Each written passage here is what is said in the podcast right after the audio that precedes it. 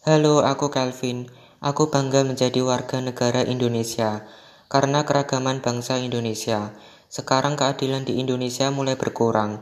Seharusnya kita harus membela kebenaran dan keadilan dan kita tidak boleh membeda-bedakan orang berdasarkan suku, agama, ras dan budaya.